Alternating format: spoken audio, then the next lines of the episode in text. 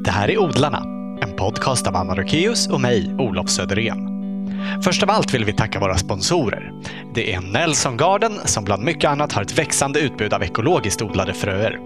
Och så är det Grönyte Konsult AB som saluför japanska kvalitetsverktyg som grensågar och sekatörer. Det här avsnittet sponsras också av Hasselfors Garden. De har några spännande nyheter i sitt utbud som de kallar jordkompisar. Till exempel biokol som kan göra jorden bättre på att lagra fukt och näring. Och pimpsten som man kan använda om man behöver göra sin jord lättare. Bra för den som vill odla i stora kärl på en balkong eller så. Stort tack! Utan sponsorer hade vi inte kunnat göra någon podd. Vår medverkande i detta avsnitt är journalisten Bella Linde som bland annat har skrivit boken Rätt ur jorden, handbok i självhushållning. Många känner säkert också igen hennes röst från podcasten Grönsakslandet och vissa kanske kommer ihåg henne som en av programledarna i den allra första säsongen av Sommartorpet. Intervjun spelade vi in hemma hos Bella på Södermalm i Stockholm den 24 mars. Varsågoda! Berätta om när du först drabbades av odlingen. Jag drabbades av odling på grund av, eller tack vare rädsla. Ja. Faktiskt. Jag är uppvuxen i en familj där eh, det odlades när jag var liten på sommarstället i Varberg, eller utanför Varberg som vi hade. En liten ort som heter Veddige. Mm. Där eh, hade vi ett litet båtsmanstorp och där odlade mamma och pappa grönsaker, eh, så långa, långa rader med lök och potatis. Det var ganska mycket blåkorn involverat, tror jag. Ett och annat kemiskt bekämpningsmedel kan jag också tänka mig. Det var ju 60-tal. Liksom. Och vi tyckte, jag och min syster, att det var ganska hopplöst för vi fick ligga på knä och rensa i de där jädra löklanden. Det var inget kul. Så jag kan inte säga så här, åh, jag har odlat sedan barnsben, för jag har inte gjort det. Sen har jag gjort mina små försök. Jag skaffade ett landställe där, där vi fortfarande tillbringar hela somrarna som ligger i Strängnäs. Ja. Eh, jag hittade det när jag var ensam dam med hund. Ganska stor gård som jag hyrde till mig och min hund. Och som vi fortfarande hyr, men nu har jag ju blivit med familj. Men det är inte den hund, det är inte Doris som, som Det är ligger inte här, utan det var en annan hund. Nej, det var Det är Greta. längre tillbaka. Mm. Greta som var en Irish soft coated wheaten terrier. Mm. Väldigt bra vakthund. Eh, trodde jag, det var hon inte. Men, men det kändes bra för när jag var ensam där i det där mörka, mörka ute på landet. Eh, men där försökte jag odla lite grann, men fattade liksom inte riktigt hur, hur man skulle göra. Och Nej. till saken hör att min mamma var en fantastisk trädgårdsmänniska. Hon hade en, prydnads, eller en utställningsträdgård i Flen som folk åkte till och, och hon odlade inte så mycket grön, pappa odlade grönsaker, mamma odlade eh, prydnadsväxter. Ja. Var det sådär- där du växte upp i Flen? Nej, Nej. jag är uppväxt i Stockholm. Jag är född i Göteborg och uppvuxen i Stockholm. Mhm. Men sen så hamnade mamma i Flen. De köpte ett sommarställe där och, och så eh, odlade hon upp den här fantastiska utställningsträdgården som folk, hon var mer sådär öppen trädgård och, och hade visningar och folk kom och tittade och det var helt, hon hade ett manchuriskt valnötsträd där hon stod vid 80 års ålder och gjorde qigong under det här valnötsträdet. Hon var helt fantastisk. Vad härligt. Ja, hon var fantastisk, min mamma. Och det är synd att man inte förstår det. Det är så här ett tips jag kan ge till alla som har en knasig och lite annorlunda mamma eller förälder. Uppskatta det medan de lever. Mm. Det gör man inte när man är barn. Då tycker man bara att de är konstiga. Och lite så här, mm, där står hon Ja. under sitt valnötsträd. Men det är ju fantastiskt. Mina kompisar älskade henne. ja, kul. Så det var ju bra. Jag älskade henne också, men, men du vet, man skäms alltid lite. Mm. Eh, nåväl, jag odlade en del på eh, sommarstället i Strängnäs som jag då hyrde tillsammans med hund. Sen blev jag då med man och sedermera med son. Och vi hänger kvar där fortfarande. Men jag försökte odla, jag grävde upp ett land i gräsmattan och mamma sa så här, men det där går inte. Åh, så, du vet, så, här, så tänker man så här, ah, måste hon säga att det inte går, jag gör väl som jag vill. Och det gick ju inte, för jag fattade inte att man skulle gödsla och det var mycket jag inte visste. Jag läste inte heller på, utan jag bara trodde att det räckte med att sätta spaden i gräsmattan. Var det arvet av de här blåkornen som gjorde att du inte förstod det? Ja, kanske. Eller för att jag inte hade varit så intresserad egentligen. Jag hade en farbror som hette Arthur som kom med, han, jag vet att han la på kogödsel på våren, så han grundgödslade ju. Mm. Och sen tilläggsgödslade de med ko- blåkorn, för jag minns de där små blåkornen i alla fall som pappa strödde ut. Nej, men det kan nog vara så att jag hade bara inte, inte, jag hade inte sett, jag hade inte följt odlingen. Nej. Och så har jag gjort lite taffliga försök och inte lyckats särskilt bra. Men sen så var jag tillsammans med min kollega Lena Granefelt som är fotograf. Vi, gjorde ganska, eller vi gör, jobbar mycket tillsammans och vi har gjort böcker tillsammans och resereportage och odlingsreportage. Vi har gjort ja, härliga mm. reportage. Ja, jättefina bilder som ja. är med i alla dina böcker. Ja. Du visade oss här innan precis en, en, fin bild från en utställning som hon har haft på ja. Botaniska i Göteborg. Va? Mm. Med så närbilder på typ fröställningar och, och sånt. Hon har skildrat det, det, vackra i utslocknandet. Så hon har alltså varit i döda trädgårdar, eller så här, trädgårdar som håller på att somna inför vintern och hittat små fröställningar och fotograferat dem nära, nära. Och så har hon gjort en bok som heter Flora supersum. Och eh, ut, med bilder ur den boken har hon gjort en utställning som åker runt lite. Jag vet inte riktigt var. Man får hålla utkik efter den. Ja, man får hålla utkik. Det är Lena Granefelt det.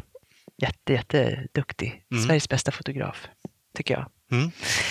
Eh, vi hamnade tillsammans eh, på ett reportage. Vi åkte till Näsuddens handelsträdgård som ligger ute på Smådalarö utanför Stockholm, mm. ute i skärgården. För du jobbar som journalist även då? Ja, precis. Ja. Jag, jag har typ jobbat som journalist jämt. Ja, men skrev du mycket om trädgård redan då? Ja, lite grann. Ja. Lite grann. Så, vi hade, jag hade gjort en bok om Zätas trädgård, ni vet den här handelsträdgården. Ja, i, just det. Eh, utanför, vid Kungens Kurva, Huddinge, utanför Stockholm. Och eh, ja, men sådär. Jag hade skrivit om trädgård, men inte praktiserat så mycket själv. Så du började, började i den änden? Ja, så kan man ju också göra. Man kan, göra, man kan allt, alla sätt är bra utan de dåliga. Mm. Vi hamnade på den här fantastiska platsen ute på Smådalarö och lotsades runt av en trädgårdsmästare som heter Andreas Gravelej. Ja. Som idag driver Kniva trädgård. Just det, med Andreas Strömqvist. Andreas Strömqvist. Ja, precis. Mm. Allting går runt, runt i den här världen. Ja. Det, är, det är någonting som odlingen ger, att man får så mycket eh, härliga kontakter. Man, får så fin, man möter så mycket bra människor. Ja, verkligen. Ja.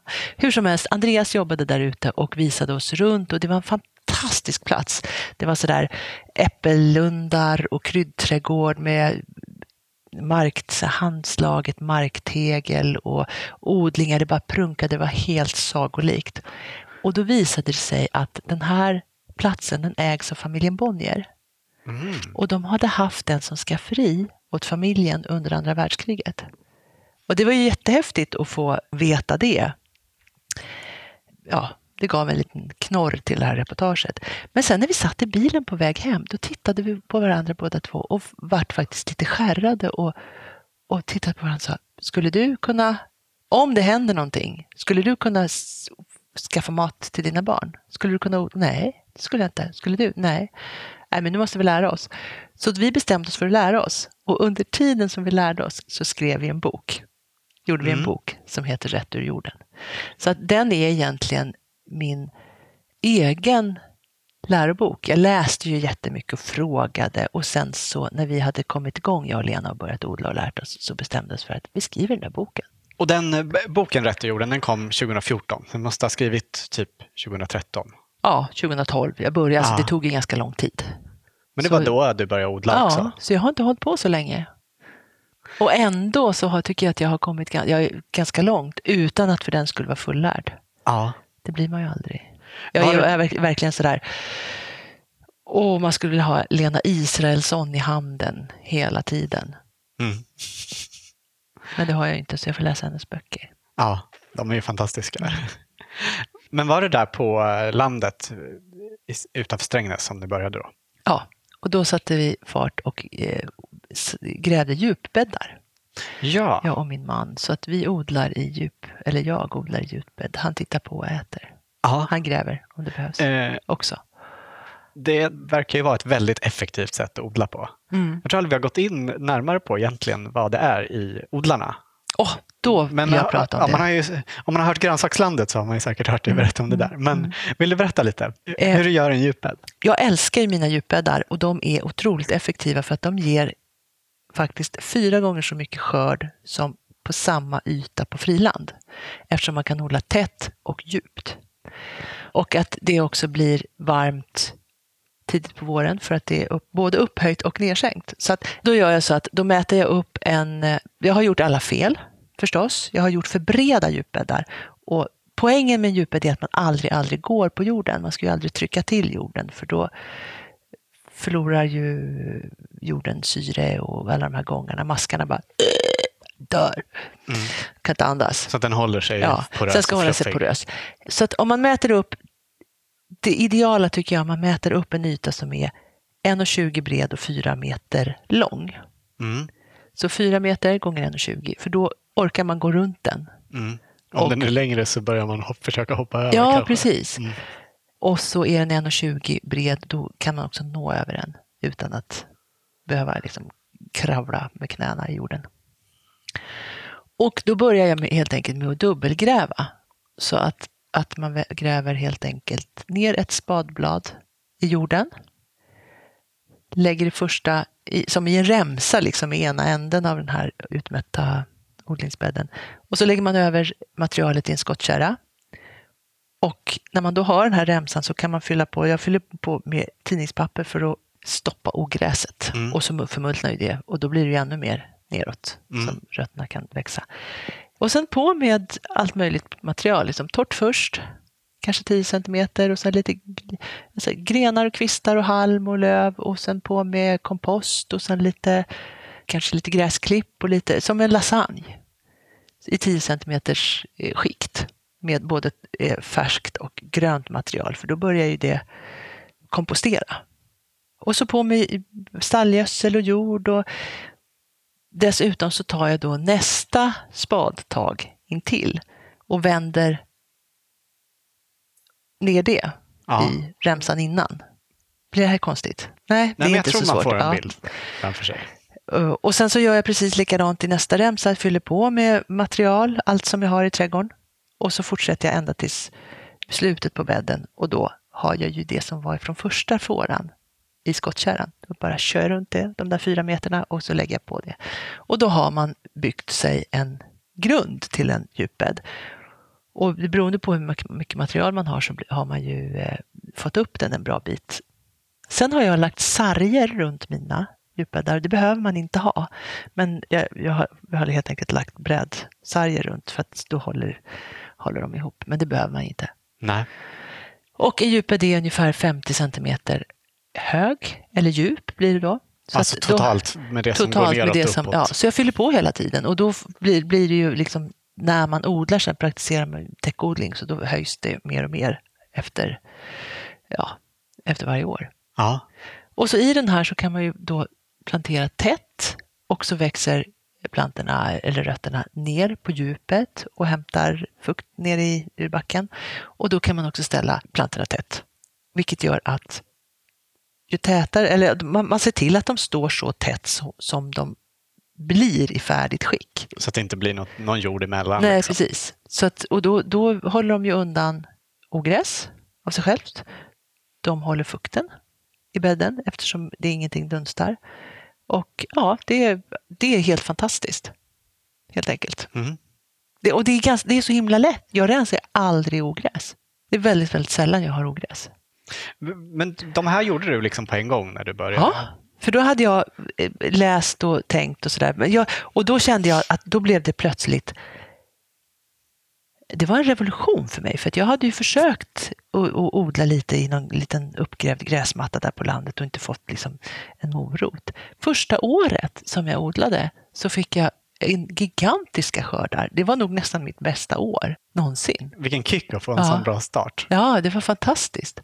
Mm. Eh, och, och, då blir man ju liksom, men gud, det här är ju verkligen inte svårt. Och sen upptäckte jag att det finns ju massa svårigheter, men framförallt just det där att ah, sen var det vissa saker som inte lyckades och andra som blev jättebra. Men, är det någonting men, som är svårt att odla just i den typen av bäddar? Nej. Eller funkar, funkar allt? allt men det är en sak som jag undrar, som du kan hjälpa mig med. Jag har aldrig fått min vitkål att knyta sig. Vad gör jag för fel? Jag vet inte. Hur går det för er? Vi har odlat vitkål några gånger, men då, då de, de har blivit ganska små huvuden. Men de har knutit sig. Men de har inte blivit så riktigt hårda direkt. Nej. Eller vad ska jag säga? De har gått väldigt snabbt från att vara ganska löst till att börja spricka. Ja. Typ. För jag får bara så här fladdriga blaffer liksom, som bara brer ut sig och Mm. tar plats. Jag är jättearg på vitkålen. Smakar de bra ändå? Nej, det är bara, liksom, det är bara foderblad känns det som. Ja. Så att de hamnar ju på, på antingen i komposten eller på... Men då tänker jag så här, det är bra täckodlingsmaterial, då lägger jag på dem på jorden. Ja, jag vet Så, inte vad... ja, jag vet inte, det är... Fast de gräver ju bra åt den. Det är ju kraftiga rötter som gräver sig ner i jorden. Så de, jag tänker att ja, de luckrar och gräver och Ja. Man får ta det liksom det, det... De gör ju sitt Mm. ändå. Men det, det är faktiskt det som jag aldrig, aldrig någonsin har lyckats med, vitkål. Och sen, men sen har jag ganska kalkrik jord på landet och det kan vara lite knepigt. Potatisen är lite knepig. Ja, det är Faktiskt. skorv Det- på den. Ja, för mycket kalk. Och det, det blir liksom det blir inte riktigt så mycket som jag vill. Nej. Jag har lite problem med potatis.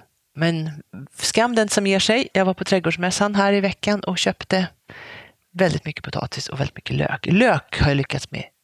Det, det är helt fantastiskt. Det har vi nästan hela året. Egen lök och Mm. egen vitlök. Och det är ju så himla bra att man kan spara det i rumstemperatur. Ja, Jag har hängt upp, hängt upp vitlöken i fönstret här. Ja, det kom några barn, kompisar till min, min son som, som frågade vad håller ni på att driver ut några onda andar här som ni har vitlök i fönstret?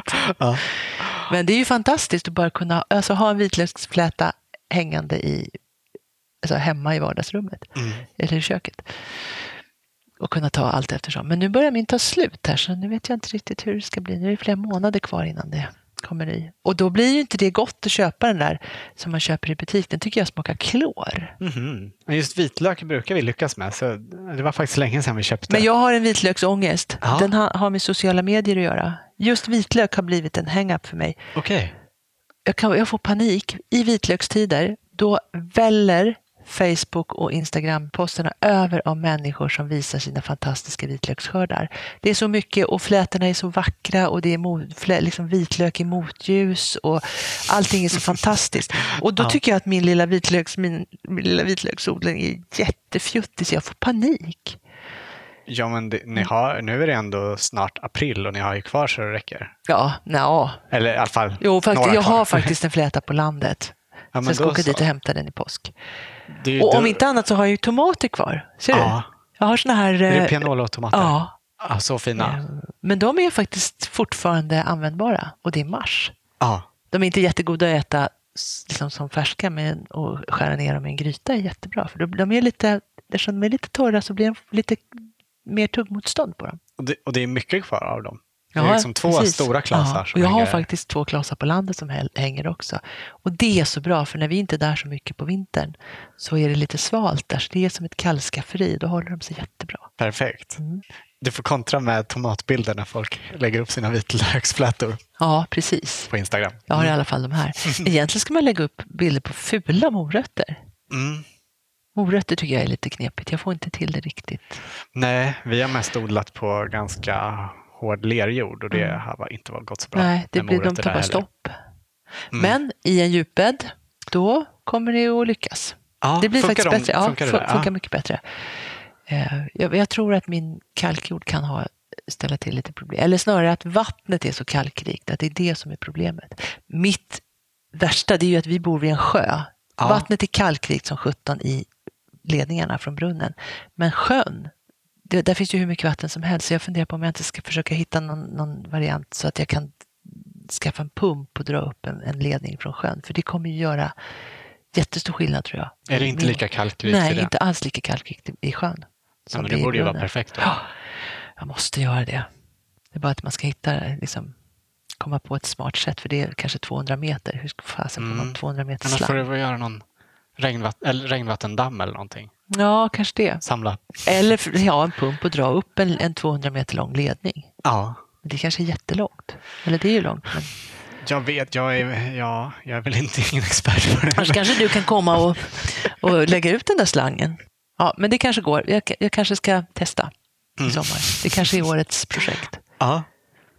Spännande att se om det blir skillnad då. Ja. Är all odlingen där i djupbäddar? Mm. Utom... Eller ja, det, jag har eh, tre sådana här ordentligt noggrant anlagda djurbäddar. Mm. Och sen har jag en odlingslimpa som är byggd på samma sätt men utan sargar. Mm. Och så har jag ett litet eh, friland, pyttelitet, där, jag, där, där kör jag vitlöken. Ja. För den behöver inte ha i lika djupt. Nej, just det, den har ganska grunda Ja. rotsystem. Och sen har jag någon liten litet slant för jordärtskockorna. Utanför ett litet, en liten bod har jag ett fint läge och sen så har jag några pallkragar utanför med lite kryddor och lite sallad utanför köksdörren. Mm. Så att jag har lite liksom pluttrar Lite runt lite, lite lite, olika. där. Ja. Men i huvudsak så är det djupbäddarna som jag odlar i. Och så har jag ett växthus. Det är ju fantastiskt. Jag fick ett växthus av en bekant. Åh, vilken Som- Ja, det är helt fantastiskt. Och det, för- de hade ett, alltså en granne till Lena, fotolena, fotograf-Lena, Ja, skulle eh, ge bort sitt växthus som stod i, längst ner på deras tomt, på en vill, villatomt i Enskede. Och eh, vi fick det där mot att vi plockade ner det. Så jag och min man Dante, vi var där i två höst, så här, väldigt regniga höstdagar och monterade ner det där växthuset. Och de hade satt fast rutorna med eh, silikon. Så Ja. de satt ju fast, så vi fick stå där och skära med små rakbladsknivar. Och så eh, lånade vi ett släp, körde ner det till landet i Strängnäs. Och det är också helt sagolikt. ja det måste ju odla, vara fantastiskt. ja, det är ju lite av en dröm att ha det. Ja. Och det är, det är så häftigt, tycker jag, med odlingsvärlden som jag har fått till mig. Att det är så generöst. Folk delar med sig. Om någon inte behöver ett växthus, då är det inte så att, att den bara kastar det eller låter det stå för fall, utan då frågar den, är det någon som vill ha ett växthus? Ja, och så är det så här, ja, ja, han jag räcka upp handen. F- först, då fick Ja. jag det växthuset. Medan jag kanske har jättemånga tomatplantor, då kan jag ge dem till någon Mm. om jag har för många. Eller liksom, det, så det går runt. Det är bara Ja. så generositet. Det är jättekul att det är så. Ja, det är fantastiskt. Det tycker jag så här, när, när vi började odla, att köpte massa grejer och massa plantor och massa, ja, massa saker som inte behövs. Mm. Så Man går att- på det där kommersiella faktiskt i början. Ja. Och så tänker man att det här, de här sakerna behöver jag ha. Ja. Plast, de här plastbyttorna eller, eller eh, s- bara märketiketter går man och köper dyra i plast. När man kan använda Bregottlocket och klippa, klippa sådana Ja, märkstickor. av. eller, så nu ska jag- Nu ska jag hämta, nu ska jag gå hit, ja. ta fram min lilla odlarkorg som jag har här. Wow. Här har jag alla mina, jag har faktiskt, eftersom jag åker mellan Stockholm och Strängnäs med mina odlingar så har jag allting samlat i en korg. Så då tar jag med mig den, så då vet jag, här har jag min odlingsdagbok till exempel. Det, är så, det där har jag aldrig kommit igång med. Nej, Men det- det, jag jag så- tänker varje år att det vore bra att ha en. det, Men- jag brukar ehm, tänka att jag ska vara jätteordentlig och det är jag inte, men jag fyller ändå i liksom. Ja, vad har jag gjort och hur gick det och hur har jag gödslat? Och så skriver jag lite grann så jag vet vad det är jag har odlat. Och, Det liten- är så bra. och det är jättefult. Alltså, jag, är inte någon, någon, jag kan ju inte rita, men jag skriver, ritar och skriver. det ser, jag tycker det ser väldigt prydligt ut. Som här till exempel. Men då här har jag alla mina, mina länder. Ja, Här är till det är så exempel... vad du har haft i varje bädd. Ja, precis. för- Här är det här lilla år. frilandet. Mm. Eh, har jag här och utanför en liten bod så har jag jordärtskockor och jordgubbar.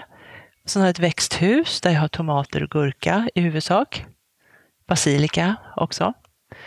Och, sen sen, har jag mina djupbäddar som heter knatte, fnatte och chatte.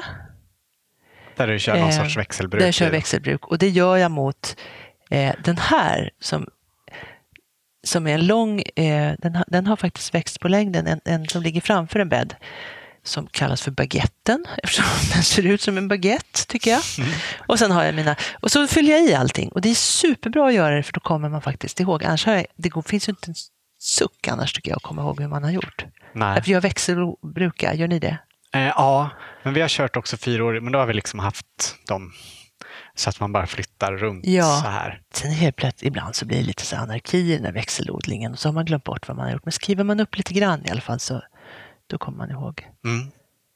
Jag är ganska noga med växelbruk men gör också avsteg hela tiden. Ja, Så, men jag har så här gru- grundgrödorna har jag i, i, i en fyraårig växtföljd. Och sen liksom in med lite sallad och lite allt möjligt ja. emellan. Liksom. Har du varit noga med det från början också eller är det något, eh, Har du haft anledning att börja tänka på det? Alltså, har Nej, du jag drabbats av någon sjukdom? Eller Nej, det är kanske därför jag inte har drabbats av en sjukdom. Jag har haft så hela tiden. Så? Mm. Och det tror jag har varit bra. Ja, Men sen ser också. man ju, ja, man har ju, har ju hälsat på väldigt många odlare och, och en del är ju otroligt strikta och andra gör lite huller om buller. Så att det är lite olika skolor. Ja, det är många som sägs, man ser många som skriver jag förstår inte varför ni håller på med det här. Jag har Nej. odlat eh, på samma ställe i 20 år och Ja. inte drabbats av något. Men sen hör man ju också de som faktiskt drabbas av något Ja, man gör slut. det. Nu ska jag återgå till min lilla, lilla fina korg. Senast idag, Bregottlock. Bregottlock. Eh, ja, men just det där att man faktiskt kan använda precis det man har hemma.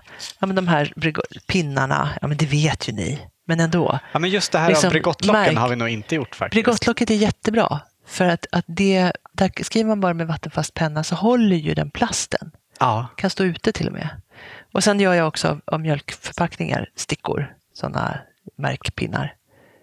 Och sen har jag också glasspinnar. ja men som- glasspinnar brukar vi ha också. Ja, och, och, det är jättebra. På mitt förra jobb så hade vi såna här små träskedar som man har till kaffemuggen. Det är superbra.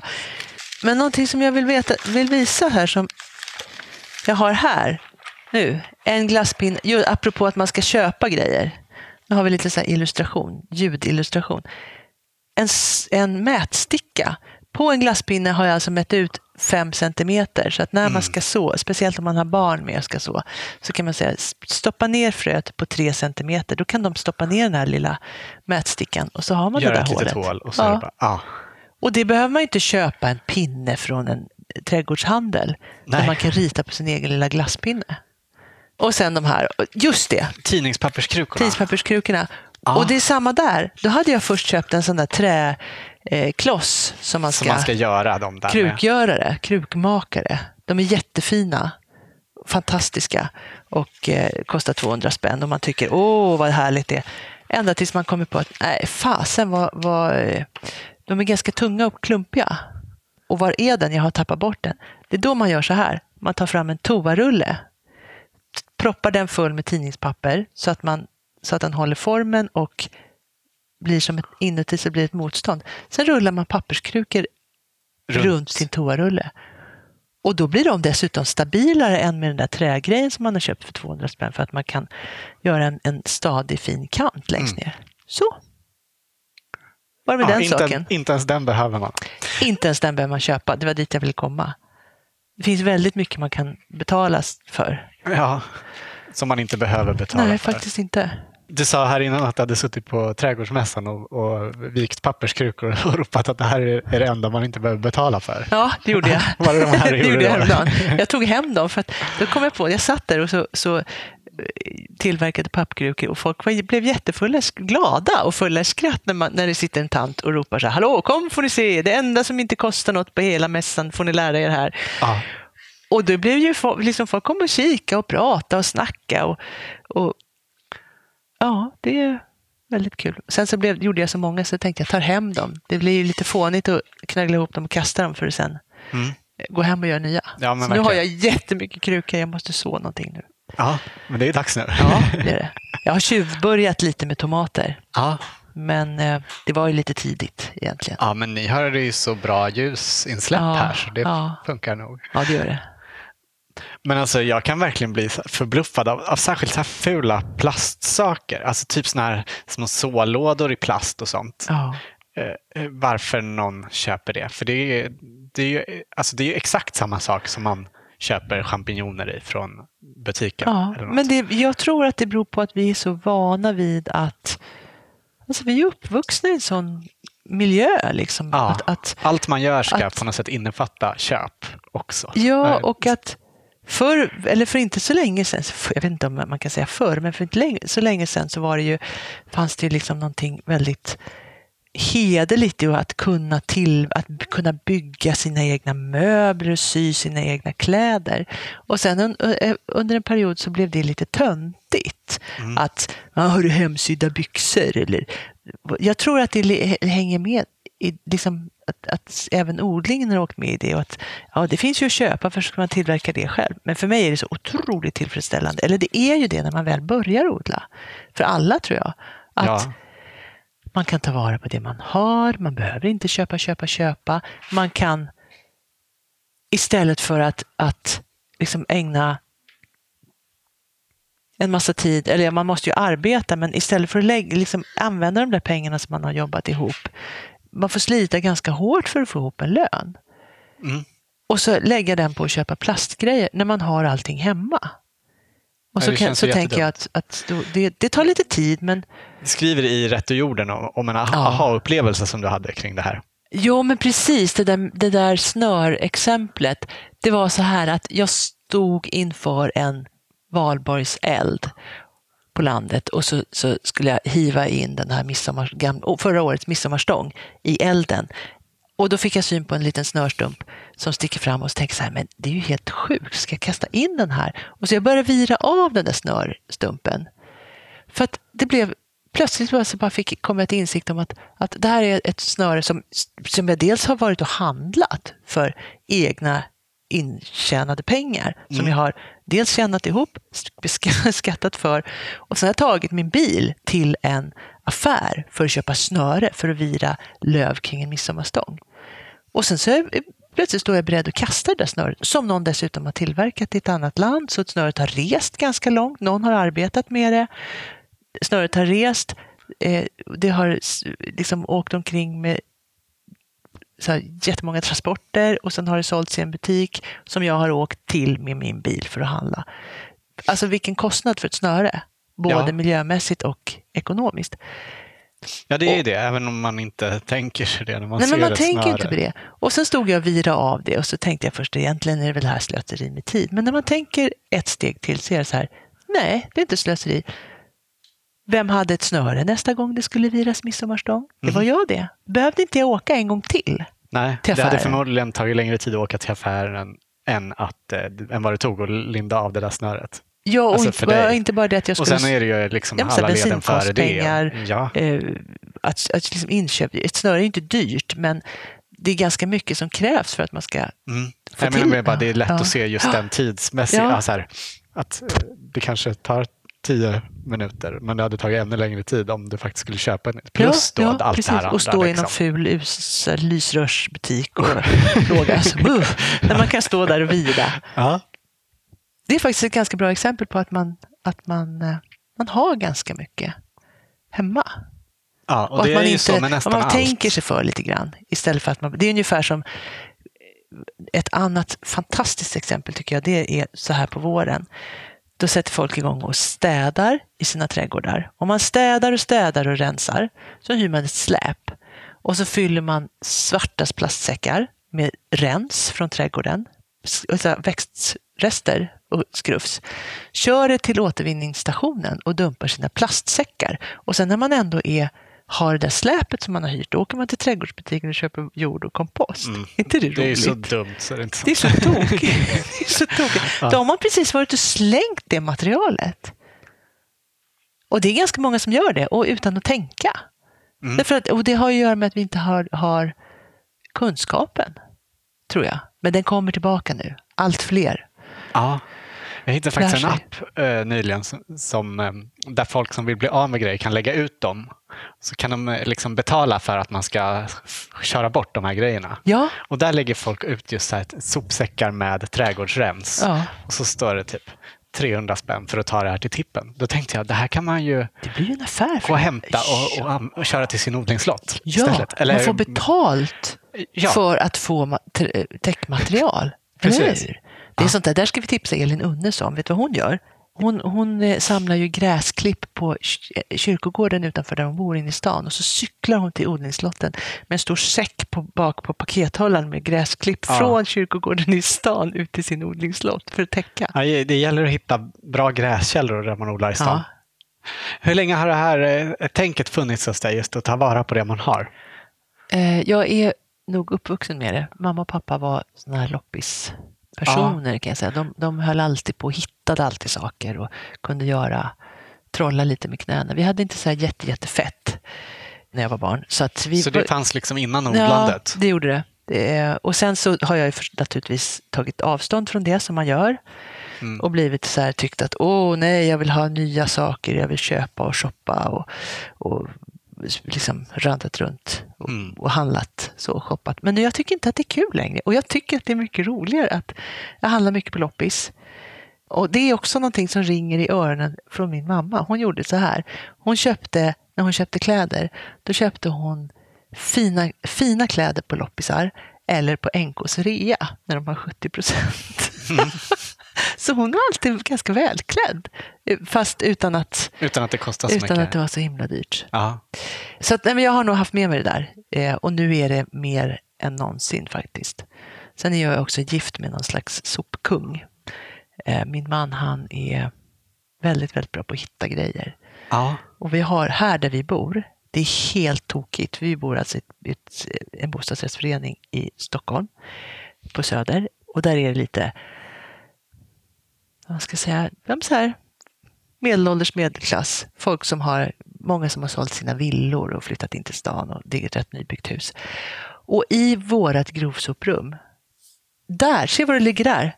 Då är det någon som har kastat De tre nya paket med LED-lampor Ja. med batterier. Alltså batteridrivna LED-lampor. Och de, vi har ett eh, De är, de är oöppnade. helt oöppnade och det händer hela tiden. Det händer hela tiden. Ja. Så att vi, vi tar vara på jättemycket. Ibland så är det så här så blir nästan lite skäms och, och, och, och säger så här, vi får inte ta... Och nu har jag just, vi gör- vi nu har jag just suttit och också. sagt det här. Ja, men vi, gör, vi Gör är precis likadana. Ja, ja, ja. Alltså det är så här, man fattar ju, alla andra slänger ju massa grejer för att de inte har plats hemma, för att de köper så mycket. Men för oss är det nästan så att vi inte har plats med, med mer grejer för att vi har hittat så mycket bra saker som vi har tagit hand om. Var hittar ni någonstans då? Ja, men, nej, vi bodde ju inte långt härifrån på Söder också förut och då, då hade de kanske någon gång per år så här grovsope, eller två gånger per år grovsophämtning. Där alla bara ställde ut allt på Ja, gården. Liksom. ja. Och så kom det någon och hämtade det. Och det var ju så mycket bra saker. Ja, men jag vet. och ja, där vi Jag bor vet. nu så har de ibland så här containers som de ställer ut där alla får Ja, slänga sitt. Och det är ju hur mycket saker som helst. Alltså det, det finns så mycket saker som ingen vill ha så jag fattar inte att någon behöver köpa något. Nej. Liksom. Nej, verkligen. Ja. Jaha, du, du har, du har sop, sopkläder på Har du dig. sopkläder på dig, Anna? Nej, men jag har också några av mina bästa blusar har jag köpt på Röda Korset. Ja. Jättefina, alltså helt, det hänger helt nya kläder som, som folk bara ger bort eller kastar. Så att, men sen så tänker jag så här att eh, jag älskar att återbruka, jag tycker att det är jättekul, men jag tycker också att det är roligt att, att liksom köpa någonting fint i god kvalitet. Men att man gör det med eftertanke, inte bara så här, åh jag köper den här lilla plastmojängen bara för den var så billig, det är bara lite på skoj. Mm. Det gör jag aldrig. Nej. Och just att köpa något så här, att undvika att köpa något så oöverlagt. Liksom. Ofta så när, om, om man väntar lite så, tänk, så, så blir man inte sugen längre. Alltså och framförallt så kommer man inte riktigt ihåg impulsen, vad det var liksom. man tänkte köpa. För jag brukar tänka ibland så här att om jag, om jag verkligen känner om två veckor att ja, men jag får gå tillbaka och köpa den. Sen kan det ha gått en månad så, så kan jag tänka så här, vad, vad, var det jag skulle, vad var det jag skulle köpa egentligen? Har jag glömt bort vad det var som jag Mm, längtade då så hett efter? inte det. Så att det där återbrukstänkandet har nog funnits sedan jag var liten. Mm. Och det har, men det har, har eh, eskalerat nu när jag har börjat odla. Ja, Det får jag säga. Men oh, det kommer mycket med odlingen, tycker jag. ja. Att man, eh, ja men bara en sån här grej som att man är del, jag tror att det är det att man är del i ett krets. Man förstår bättre att hela ens existens, man är del i någonting mycket större. Det tror jag. Mm. jag har, har, det har kommit med odlingen och då blir man lite mer varsam. Jag har liksom, jag flyger inte lika mycket som jag gjorde förr. Jag har ju haft ett sånt jobb, eller har ju ett sånt jobb, så här, och, och, och har gjort resereportage och älskat att åka jorden runt och sådär. Men jag gör inte det för att liksom, om jag ska till Kristianstad, då kan jag sätta mig på tåget och då tar det kanske sex timmar istället för 3.45. Om jag flyger åker buss och allt vad, vad det är man ändå måste göra. ja, för det är ju inte bara själva flygresan på Nej, men det en är ju timme. inte. Man ska ta ju- sig till flygplatsen och så ska man därifrån och trixa och kanske man ska hyra en bil. Så sätter man sig på tåget. Alltså om tågen bara går, det är ju det. Då är det fantastiskt. Ja. Mm. Så att jag ty- tycker att man får...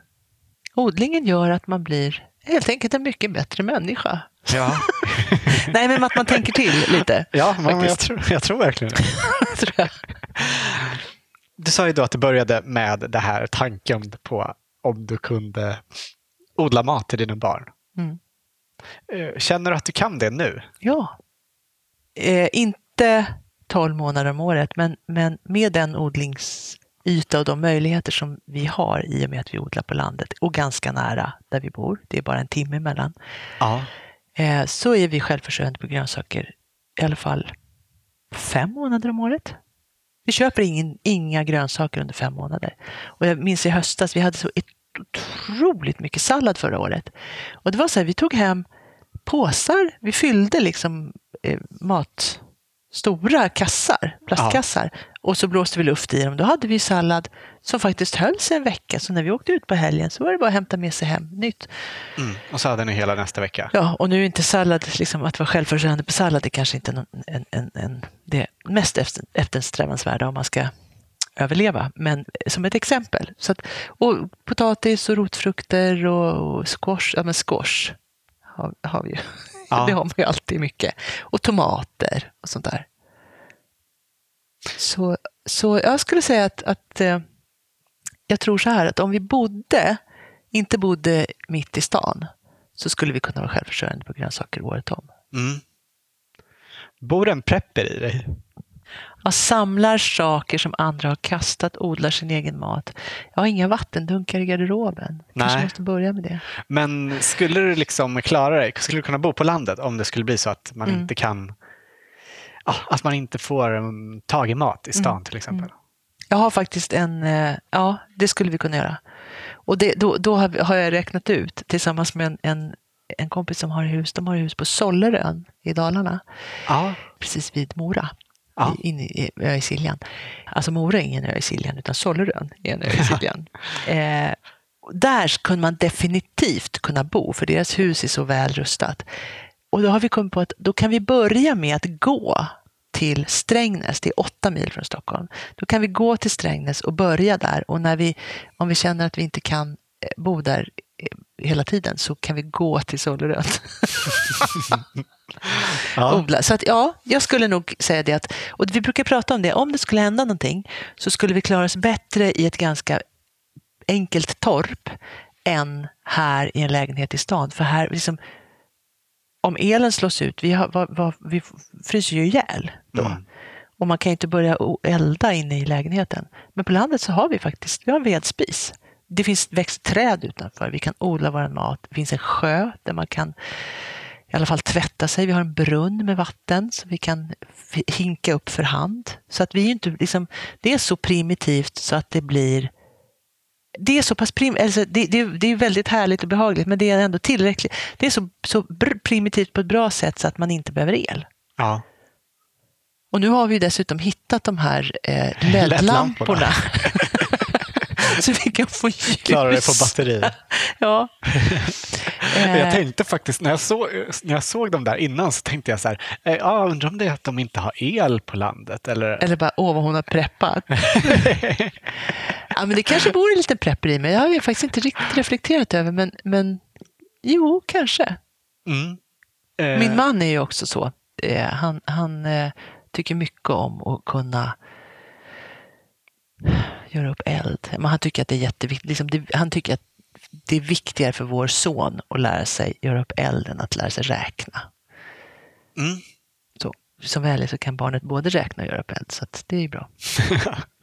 bra, bra att kunna räkna lite Men sen, kanske. sen någonting som, när man är inne på det här med barn, då, då, så Mm. tänker man att åh, det är jätteviktigt för honom att han lär sig odla morötter också. Eh, jag tror han vet hur man gör, men han är inte ett dugg intresserad.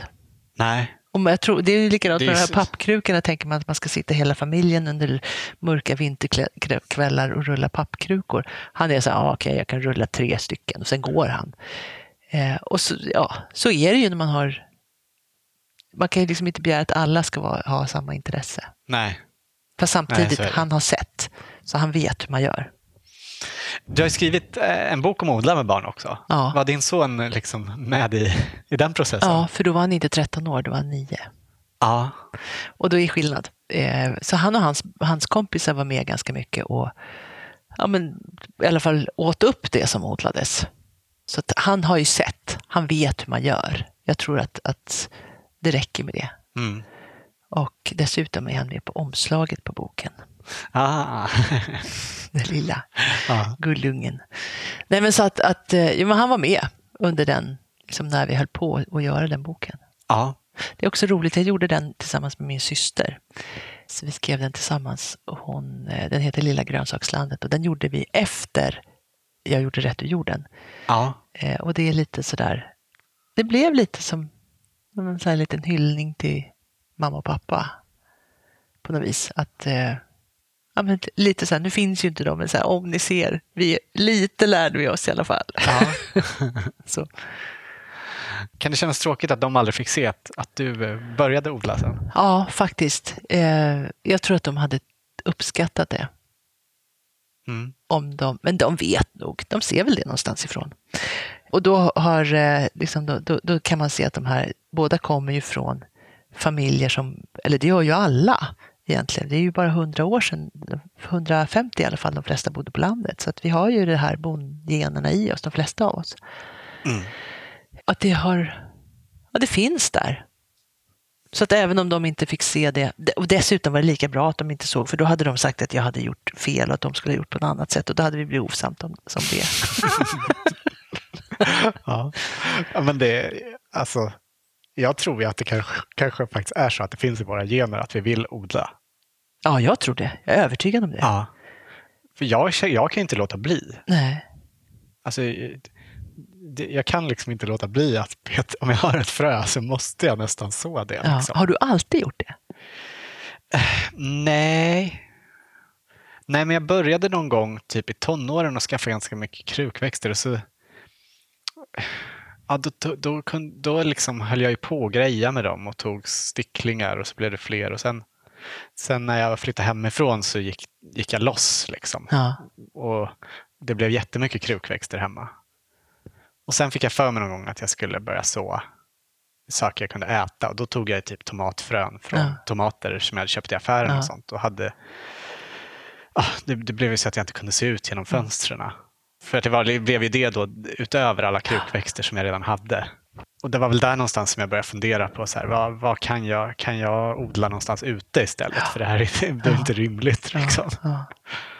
Och då sk- skaffade jag en odlingslott. Var hade du den I första? Skarpnäck. Ja, ja. ja. Det är fantastiskt. Jag står på kö här. Jag har ställt mig i, i kö på odlingslotter ut med Årstaviken. För jag Mm. tänker, rätt som det så kanske man inte orkar ha kvar landet eller inte får eftersom vi hyr. Och då tänker jag att då kan man ha en liten stuga med en liten odlingsplätt. Mm, det är så himla mysigt där nere. Ja. Ja. Och jättenära här ju. Ja. ja, man kan gå. Jag bor ju nästan i Ja, ni har ju liksom utsikt över ja. Eriksdalslunden. Ja, det är jättehäftigt. Men du odlar ju faktiskt här utanför också. Mm. Utanför vårat, eh, vår bostadsrättsförening där vi bor så finns det små, små odlingslotter. De kanske är fem, sex kvadratmeter. Ja, det är superlyxigt att ha det ja. precis utanför. Vet du vad som är så dumt? Att vi har de här, vi har tio lotter, eller om det är tolv. Och vi bor i ett hus med 50, lite drygt 50 lägenheter. Och de är inte... Man skulle tro att folk stod på kö, men det står tomma lotter. Ja, men gud, hyr helt- ut dem till andra då? Ja, men då får man inte Eller göra det. kan väl du ha flera? Ja, men jag, grejen är att jag hinner inte, för jag är, på, jag är inte här hela somrarna. Och man Ja. måste ju ändå vara här och sköta om det på något vis. Och vi får inte hyra, man får, man får inte upplåta dem åt ut, utomstående för det finns någon sån här stadgar i föreningens, Mhm. eller ja, regler i stadgarna. Ändra Eh, på så det stadgarna. Ja, men det ligger alltså tomma lotter. Det är helt galet. Ja. Och så är det liksom Det är flera decenniers kö för kolonilotterna som är precis nedanför. ja. Men det, då är det så här, det har med vatten och el och, och nycklar och sånt där att göra. Det är så praktis, praktikaliteter. Men det, det, alltså, det är ju knasigt, Ja, minst sagt. ja Men jag odlar där ute och eh, eftersom jag då tycker så mycket om att odla djupbädd så har jag transporterat, eller Dante, min man, transporterat hit virke. Så vi har byggt en stor låda som vi har, eh, alltså som, som är fyra gånger så stor som en, en pallkrage. Mm. Och så odlar vi i huvudsak i den. För eftersom vi inte är här hela tiden så då reducerar man ju ganska mycket. Ja, man behöver, det blir inte lika mycket jobb helt enkelt. Utan det växer i lådan och inget ogräs. Och sen så har vi en liten upphöjd bädd som är eh, det ser ut som jag har begravt en gubbe där i. Men, men det ser ut som en liten grav. Men den är jättefin. Den, den växer det örter på. Mm. Härligt att ha det nära, Ja, ja, precis jätte- utanför. Fantastiskt. Och grönkål är ju fantastiskt. Och svartkål att kunna gå ut. Alltså det, det sköter sig självt. Och så går man, går man ut och hämtar liksom grönkål på hösten. Det är ju fantastiskt. Mm. I stan. Ja, det verkar väldigt härligt att ha det där. Ni har dessutom en jättestor terrass utanför er lägenhet. Ja. Vilket- Som är ett dåligt samvete för att Men den är ju jättefin. den är fantastisk. Och hade det varit så att vi inte hade vårt landställe så hade jag odlat jättemycket där. Men det som är bra med, om man jämför med odlingslotterna utanför, där har vi ett vattningsschema. Så det hjälps ju åt. Och då är jag hemma dem under de veckorna som jag har vattning. Ah, ja. Eh, och då får jag hjälp med, då vattnas ju min lott av de andra. Men, Men inte odlar jag här. här på terrassen så då är jag ju beroende av att det regnar. Och gör inte det så, så klarar sig inte. Och då blir det lite knöligt att åka hem från landet för att vattna. Det är lite, tar tid och det är kanske lite inte helt miljömässigt rätt kanske att åka bil för att åka hem och vattna några liksom, lådor med grönsaker. Nej, det förtar vitsen lite grann. Ja, kanske. lite så. Men det är, det är jättehärligt att ha den. Och- det är också lite sådär, jag vet att jag kan. Om Ja. det kniper så Det skulle, skulle jag ju kunna. få plats jättemycket på en Ja, sån här ja. terrass. Ja, det är, ju- den är 30 kvadrat. Det är jättemycket. Man skulle kunna odla ganska många djupbäddar här Mm. faktiskt. Får bara gräva upp eller lyfta undan plattorna som ligger. Ja, det, men det är liksom jord under? Eller är Ja, det är det är sprängsten liksom mark under. under. Det är, Ja, det är det- inte något garage, det är inget tak nej, nej, liksom. nej. Det, Nej. Är, det är sprängsten så att man skulle kunna fylla med jord ända ner i princip. Ja, Eller höja upp bäddar. Men det, är Ja. ju mark, liksom, det är ju markkontakt. och det finns liksom eh, riktiga rabatter runt om typ också. Alltså längs kanten. Ja, precis. Det är riktiga. Mm. Det är inte några lådor liksom. Nej, Så ja, ja, det är klart. Man skulle kunna odla jättemycket här ute. men du har en eh, ormhassel. Ja, precis. Den har jag fått av min mamma. Hon, Fin. går, hon finns med hela tiden i odlandet. Är du själv int- intresserad av prydnadsväxter? Eller tycker du som, som vissa att det är helt onödigt? Nej, vet du, jag tror att det är jätteviktigt att ha prydnadsväxter. Jag tror att eh, som mamma, hon hade ju en fantastisk eh, utställningsträdgård. Det kan ju vara lite överdrivet, eller inte, därför att det hennes blommor gjorde för omgivningen. Hon, hon lockade ju till sig insekter och bin som kunde jobba i, i trädgårdarna runt omkring. Mm. Så att prydnadsväxter har ju verkligen en funktion. Det tror, tänker man ju inte. Man tänker sig, ska de där blommorna står här och tar plats? Men, men det är klart att de gör sin nytta också. Dessutom är det inte fel med skönhet. För att, att odla sin själ är minst lika viktigt. Att odla skönhet är, är också väldigt, väldigt viktigt, tycker jag. Ja. Men vet nu ska jag också berätta, jag måste bara berätta vad, vad som finns utanför här. Det, har ju, det här huset är byggt precis intill gamla kolonilotter. Och så när de, när de byggde här så plockade de bort en del lotter. Mm. Jag vet inte om det hade med huset att göra eller någonting annat, men hur som helst så har det legat koloniträdgårdar här utanför, så det står kvar äppel och päron och plommanträd. Så jag Ah, går ut nere varje... i den här parken? Nere i parken, alltså det är en offentlig park. Och jag är helt fascinerad över att inte fler än jag går och hämtar frukt där. Det växer jättegoda päron, enorma mängder plommon som man kan bara gå ut och, och hämta på hösten. Så vi har frukt liksom på hösten som, som bara växer där, Mm. som ingen äger. Eller ja, det är väl stan som äger, men det är ingen som plockar den. Det är jättehärligt. Det hade vi ingen aning om när vi Nej. bodde här. Det, nej, men det, då vet ni det om ni flyttar tillbaka hit, så är det bara att gå ner och hämta här. Plommon och äpplen och päron växer det. Det är Ja. helt fantastiskt. Alltså jag fattar inte att de inte har mer sånt i parker. Mer Eller fruktträd. hur? Eller hur?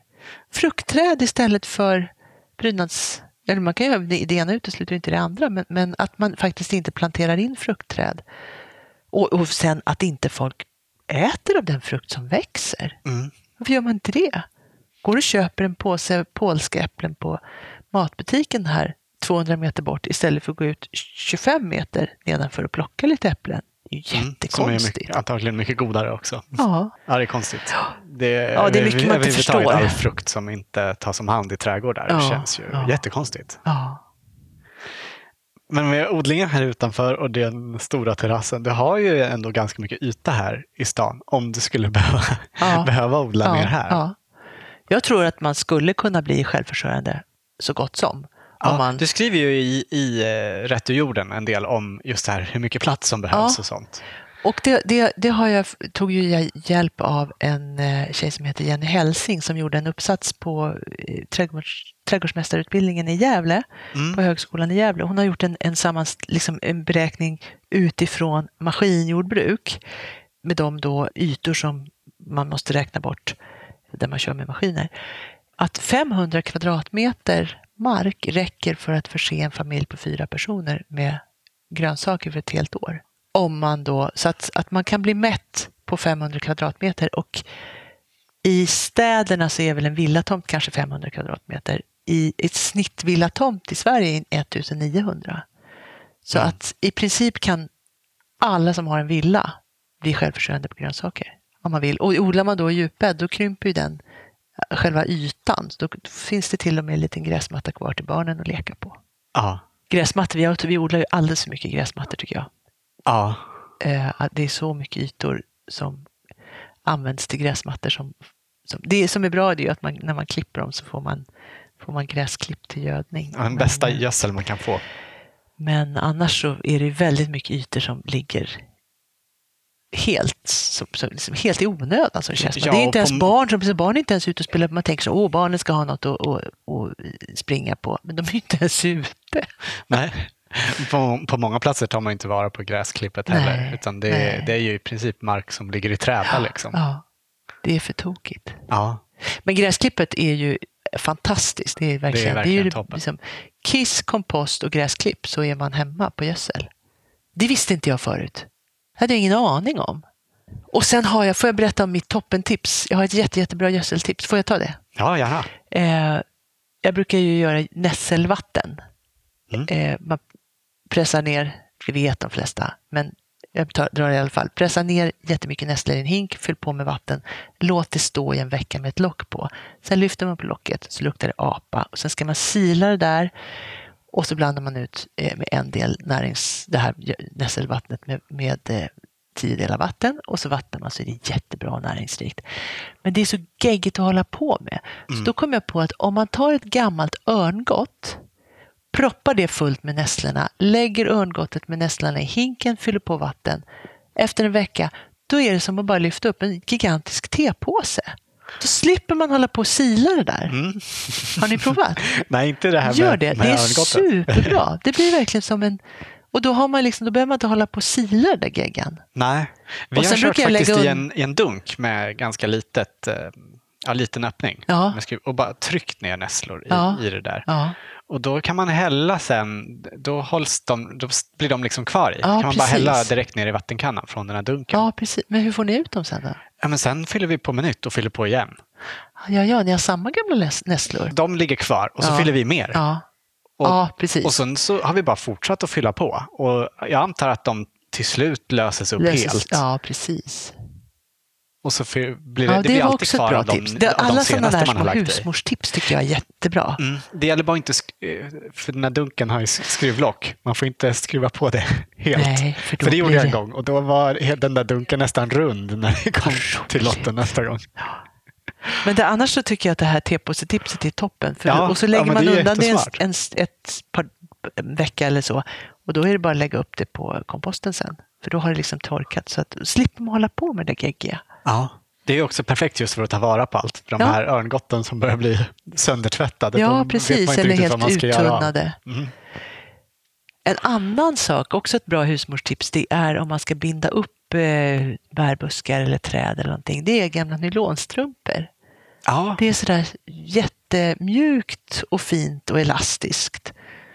Superbra att bin, liksom, Ja, binda upp eh, som- bärbuskar eller... ja. om man ska binda, man binda upp dem i en stör eller Ja, något sånt där. Så Ja. jätte, jättebra.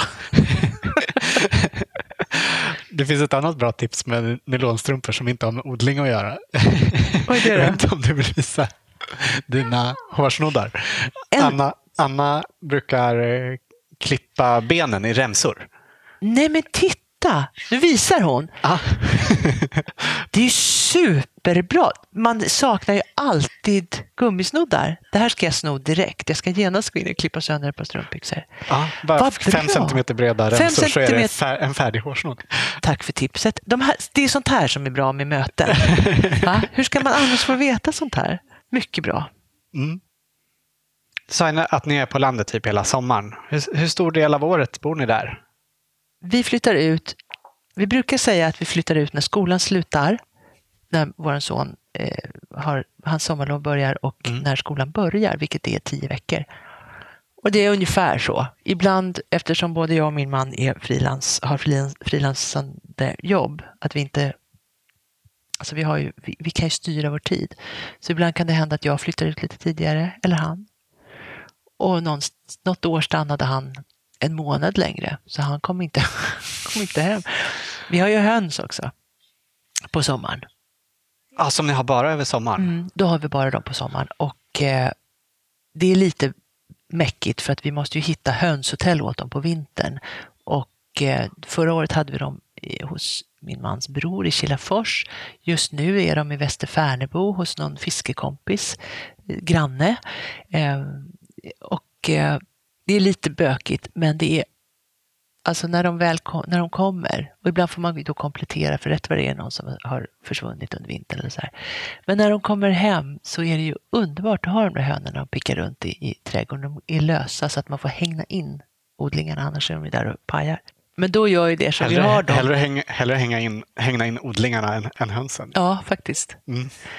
Och de går där så har vi en syrenhäck där de slinker in och gömmer sig för om det eh, Rovfåglar. Rovfåglar. Ja. Kan inte ha dem här på vintern? Nej, jag På tror terrass. inte Ja, vi skulle kunna ha dem på terrass. Vi pratar om det ibland. Eh, fast då, man kan inte ha tupp i stan. Jag vet Nej. inte om man kan ha dem. Jag tror att det skulle dra lite råttor kanske.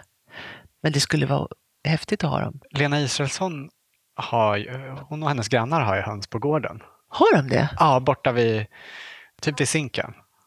Ja, det kanske går.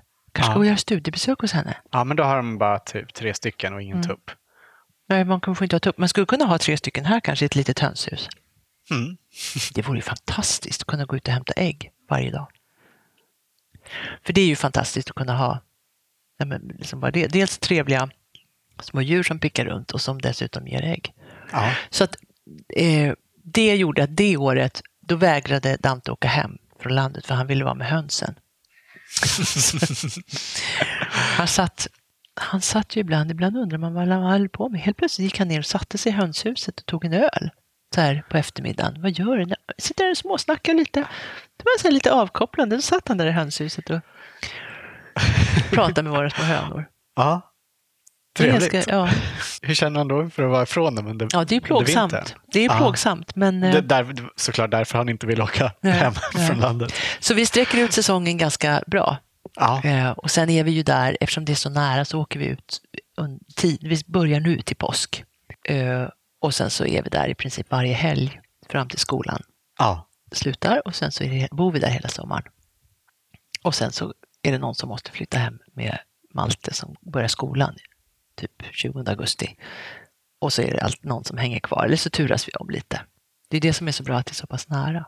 ja. Men är inte sugna på att bo där helt, hel, på heltid? Jo, jo, ibland är vi det.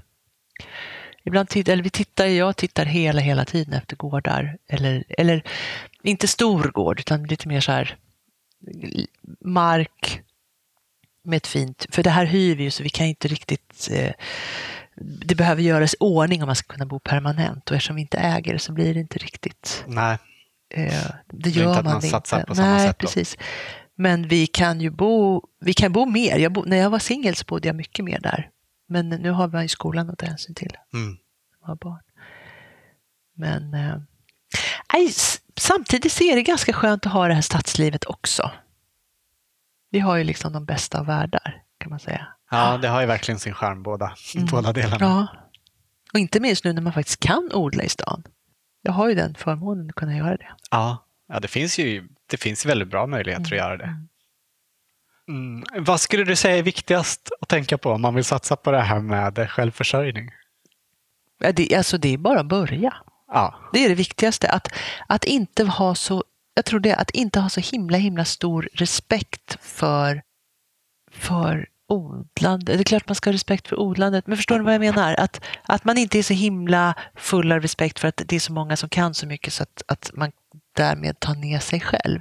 Utan jag tror att liksom, kavla upp ärmarna och sätt igång. Ja. Lä, låna böcker på biblioteket, snacka med folk, stanna till om man går förbi liksom, koloniträdgårdar och prata. Folk gillar att berätta.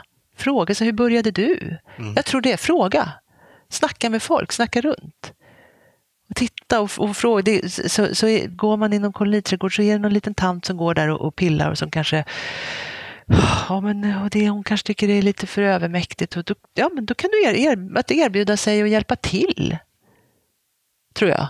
Mm. är jättebra.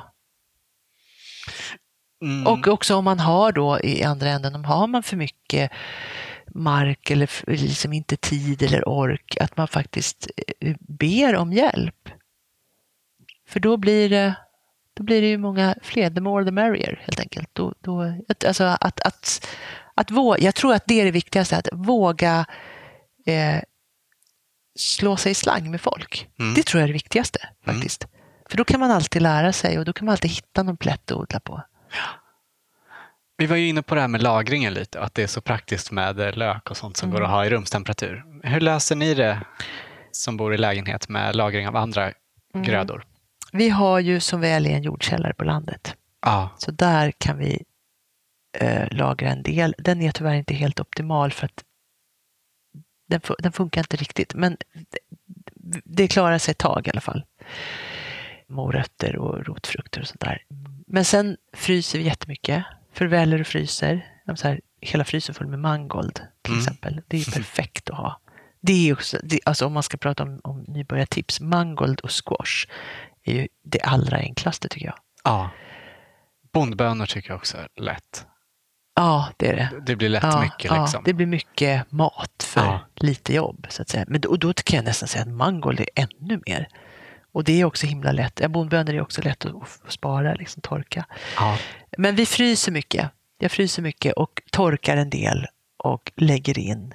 Gör lite så här chutneys och inläggningar och sånt. Det tycker Mm. jag är kul. Men sen, det är, ett, ett, ett, det är ju väl, väldigt bra tips också att odla liksom så lite i omgångar. Så att man hela tiden har. Mm, så man också får skörda i omgångar. Ja, precis. Och att, att man inte står där liksom med, som man alltid gör med gigantiska mängder. eh, Kan man säga gigantiska mängder? Det kan man inte. Hur som helst, att man, rätt vad det är så står man där med, med en enorm mängd mangold som man inte orkar äta upp. Och det är inte så roligt. Eller jätte, jättemycket morötter som ingen orkar knapra i sig. Och då måste man ju ta hand om det. Så att om man inte har förvaring så handlar det om att odla sånt som dels kan man konsumera direkt, men sen också sånt som kan stå kvar i landet. Som vintermorötter kan stå kvar. Mm. De är jättesöta och goda på våren. Ja, Kan börja dra du dem sparar igen. dem ända till dess. Ja. Och eh, grönkål står ju jättelänge. Vitkålen ligger ju i jorden under vintern. Eller vitkålen, vad säger jag? Vitlök menar jag förstås. Förlåt. Potatis kan, kan, man, kan ju stå i jorden rätt länge om man bara klipper ner den. Ja, Jag klipper ner så här 10 centimeter och sen så kan ju stå där fram i oktober.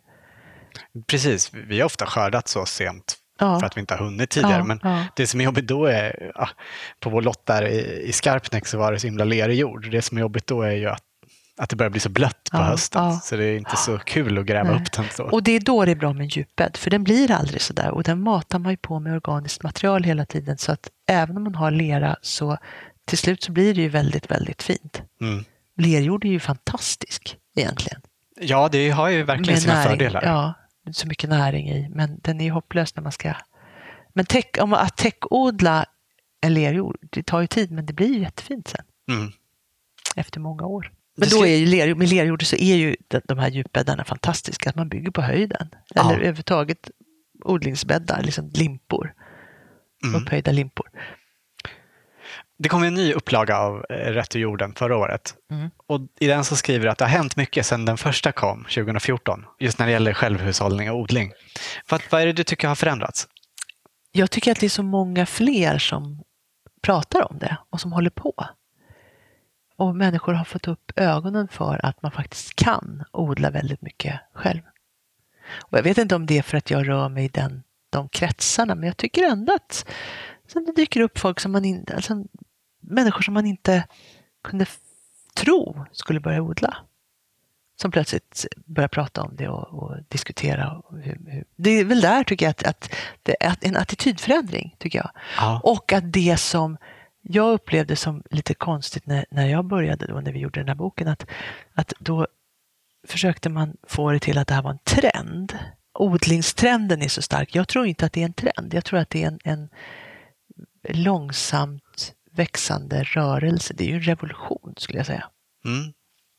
Man hoppas ju det i alla fall, Mm, mm. att det inte ska gå tillbaka. Jag tror, nej, jag tror inte det är en trend, inte, inte en tillfällig trend. Jag tror att den tillfälliga trenden, det är den vi har sett under de senaste 60 åren.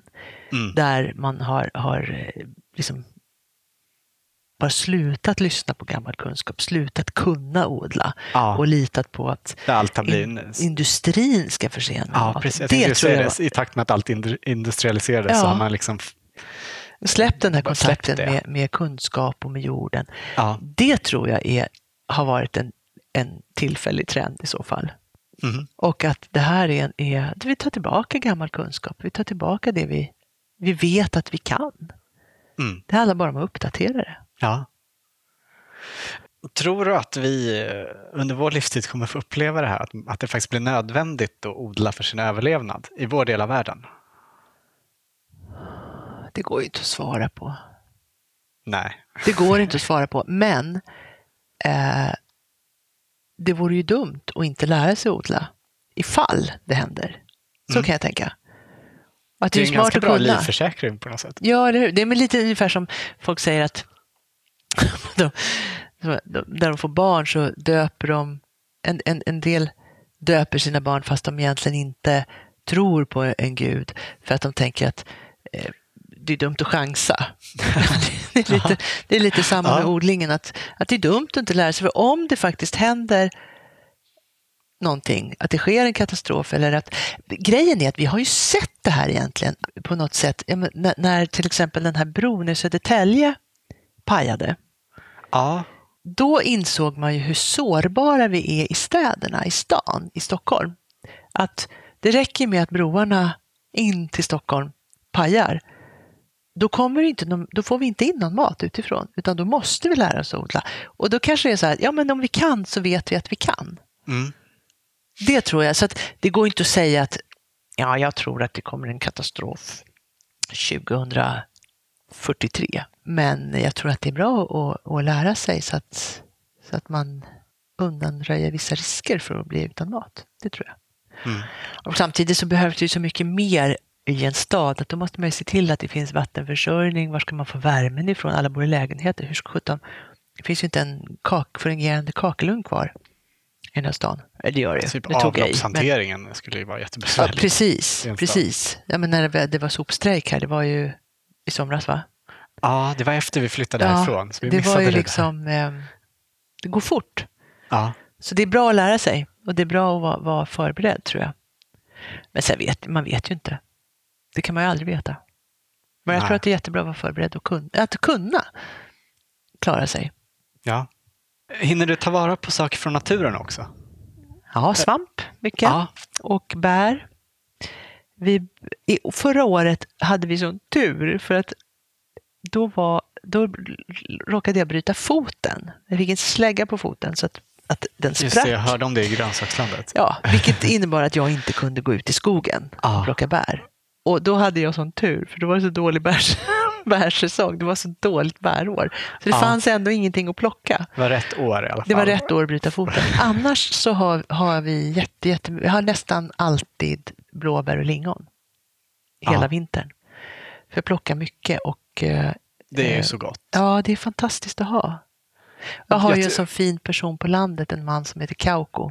En, en, han är, jag tror han fyllde 75 år här, här veckan. Han kommer och hämtar mig i sin bil och så tar han med mig till sin bästa bror. Han, då han bor där så han, har, han stämmer av, kollar av alltid eh, var det finns bär och så tar han med mig dit. Så åker vi dit kanske två eller tre gånger per säsong och då plockar jag för hela vintern. Och sen har Kauko även med sig hembakade vinerbröd som han bjuder på. Då sitter vi på en stubbe i skogen och så fiskar han upp ur sin ryggsäck kaffe och hembakade. Han bakar själv Ah. världens godaste vinerbröd. Vilken granne. Ja, fantastiskt. Det är fantastiskt att ha sådana människor omkring sig. Mm. Så, så att ja, mycket bär och mycket svamp. Ja. Tyvärr tycker inte jag om torkad svamp. Jag tycker det blir äckligt när man tillagar det. Jag tycker det smakar giftigt så jag gillar inte Aha. det. Men jag All, all torkad svamp? Ja, särskilt trattkantareller. Jag tycker de får en bismak. Mm. Mm. Eh, Men så att eh, min man torkar, jag fryser och så, så bråkar vi hela vintern om vilken svamp vi ska äta. Ja. Ni får ta varsin, Ja, precis. laga varsin, Eh, varsin så det, stuvning. ja. Och sen så, jag tycker inte om nässelsoppa. Det gör eh, min man. Så han, han och min kompis Yvonne, de lagar näs, plockar nässlor och lagar och äter och tycker att det är så härligt. Jag tycker det är jätteläskigt. Kirskål ibland. Så här man kan göra. Men det, det tycker jag, jag har inte riktigt, jag vet att man kan och jag vet hur man gör. Men det blir inte riktigt av tycker jag. Men bara om några veckor så kommer du titta upp massa fina små gröna blad och då önskar man att man var som vad heter hon, Lisen i efternamn? Lisen, Lisen Sundgren. Ja. Ja. Precis, Som är man så också kan höra i ett tidigare avsnitt av Ja. Odlarna. Hon är ju fantastisk, hon kan ju allt. Ja. Då önskar man att man hade hennes kunskaper. Och var så där att det var bara så självklart att gå ut och, och hämta. Och jag gör inte det riktigt, jag är inte riktigt där ännu. Men det kanske kommer. Ja. Jag tänker allt, varje år att det ska bli Ja, av och sen hinner ja. man liksom Nej. inte. Det är så mycket med alla sådder och man måste ta ansvar. Ja. Det är liksom svårt Det är väl också egentligen ett tips att man måste försöka coola ner lite så att man inte gör det till en börda utan det är fortfarande inte katastrof om man inte lyckas få bli självförsörjande totalt. Nej, Eh, så att man fortfarande tycker att det är kul och görligt. För så fort det börjar bli ett måste då blir det ju Nej, det blir inte bra tycker jag. Nej nu, nu, nu finns det ju ganska bra utbud i städerna också av alltså Bondens marknad och så här bra ekobutiker som Mm. Ja. har riktigt bra grönsaker. Ja, liksom. det gör det. Och sen tycker man att det är lite dyrt, men då kan man också betänka hur mycket jobb det faktiskt ligger bakom. ja, men precis. Och att man kanske... Det fattar man ju Det när är man odlar själv. tycker jag, om, man, om vi går tillbaka till det här med återbruk, att ju mer man odlar, desto mer sparsam blir man också, tycker jag. Jag kastar inte så. Förut kunde jag liksom kasta en tomat för att den var, det var lite stött på ett hörn, eller någon liten spricka. Det kunde jag slänga. Mm. Jag skäms. Jag skäms verkligen så här i efterhand. Det skulle aldrig falla mig in att göra. Då skär man ju bort den där lilla biten så använder man det som, Som är fint. som ja. är fint och så hamnar resten i bokashin. Precis, om det är någon som inte vet vad bokashi är så pratade vi om det för ett par avsnitt sedan med Peter Streifert. Ja, han är bokashi-kung. Ja. Typ. Ja. Det är magi. Är det någonting mer som du skulle vilja att vi pratade om? Ympning kanske? Nej. Ja, håller du på med det? Jag har precis eh, börjat lära mig. Ja. Eller jag har ju liksom teoretiska kunskaper men i, i somras, eller i våras, så ympade vi in en fin kvist maglemer, ett höstäpple, eller maglemer kanske, på ett frösått träd som hade parkerat sig på ett, en perfekt plats i trädgården. ja. På en, en vildapel alltså? Ja, en vildapel som, som hade bara ställt sig i det soligaste läget och så har den vuxit upp. Så jag tänkte att jag ska såga ner den, men så tänkte jag att den är rätt fin. Och så inser jag att det kommer inte bli några äpplen på det där. Och då kom återigen faktiskt en odlarvän. Och det är ju de som är, de är ju guld. Eh, Åke i Åkers styckebruk. Han kom med en eh, ympkvist, eller ett par stycken, och hjälpte oss att, att ympa in det här eh, maglemer-ympen på den här grundstammen då som har, har och med en vildapel är ju perfekt för den har ju liksom verkligen placerat sig på plats där den trivs. Och då kommer inte de här eländiga sorkarna och äter upp rötterna liksom. För den är stadig, den står där. Ja. Så för jag har försökt plantera eh, äppelträd, köpeträd, men de eh, har inte, de, då har sorkarna ätit upp rötterna. Mm. Men det här har frösått sig. Så att ympning är ju också fantastiskt. Ja, jag är sugen på att testa det där också. Mm. Nu har, har ju du gett en massa bra tips redan, men vi brukar alltid avsluta med att fråga om det allra bästa odlingstipset. Är det djupbäddarna? Jag har två. Det ena är att odla djupbädd. Ja, Det är oslagbart. För att det kräver lite i början när man ska anlägga dem. Men har man väl dem, har man dem väl på plats så behöver man nästan inte arbeta alls. Man behöver aldrig gräva i djupbädd. Man sparar jättemycket arbete, man sparar tid och man kan odla mycket på liten yta. Mitt andra bästa odlingstips det är att odla odlarvänner. Att se till att ha människor omkring sig som man kan prata med och få råd av och ge råd och dela med sig av, av kunskaper och skördar och frön och allt. Så odlarvänner och djupbäddar, det är det viktigaste att ha. mm. jättebra tips. Mm. Tack så mycket för att vi fick komma hit. Tack för att du ni tog dig tid för oss. Tack! Det var jätteroligt att få vara med. Vad kul att du ville vara med.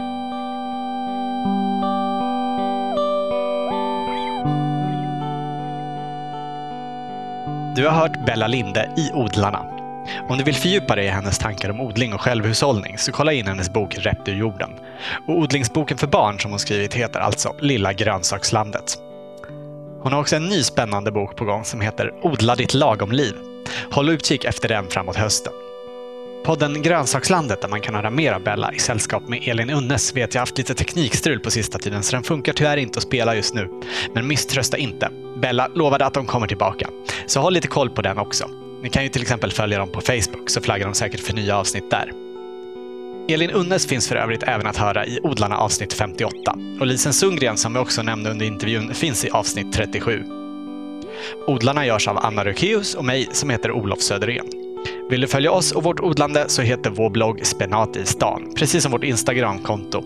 Och vi har också skrivit en bok med samma titel som finns att köpa där böcker finns. Bland annat så finns det ett kapitel i den som handlar om det här med saker som vi var inne på i intervjun. Hur man som odlare undviker att fastna i sakfällan. Ja, sen skriver vi om en massa annat också förstås. Spenat i stan alltså. Stort tack för att du lyssnat och tack än en gång till våra sponsorer Hasselfors Garden, Nelson Garden och Grön IT Konsult som möjliggör den här podden. Ha det bra! Hej då!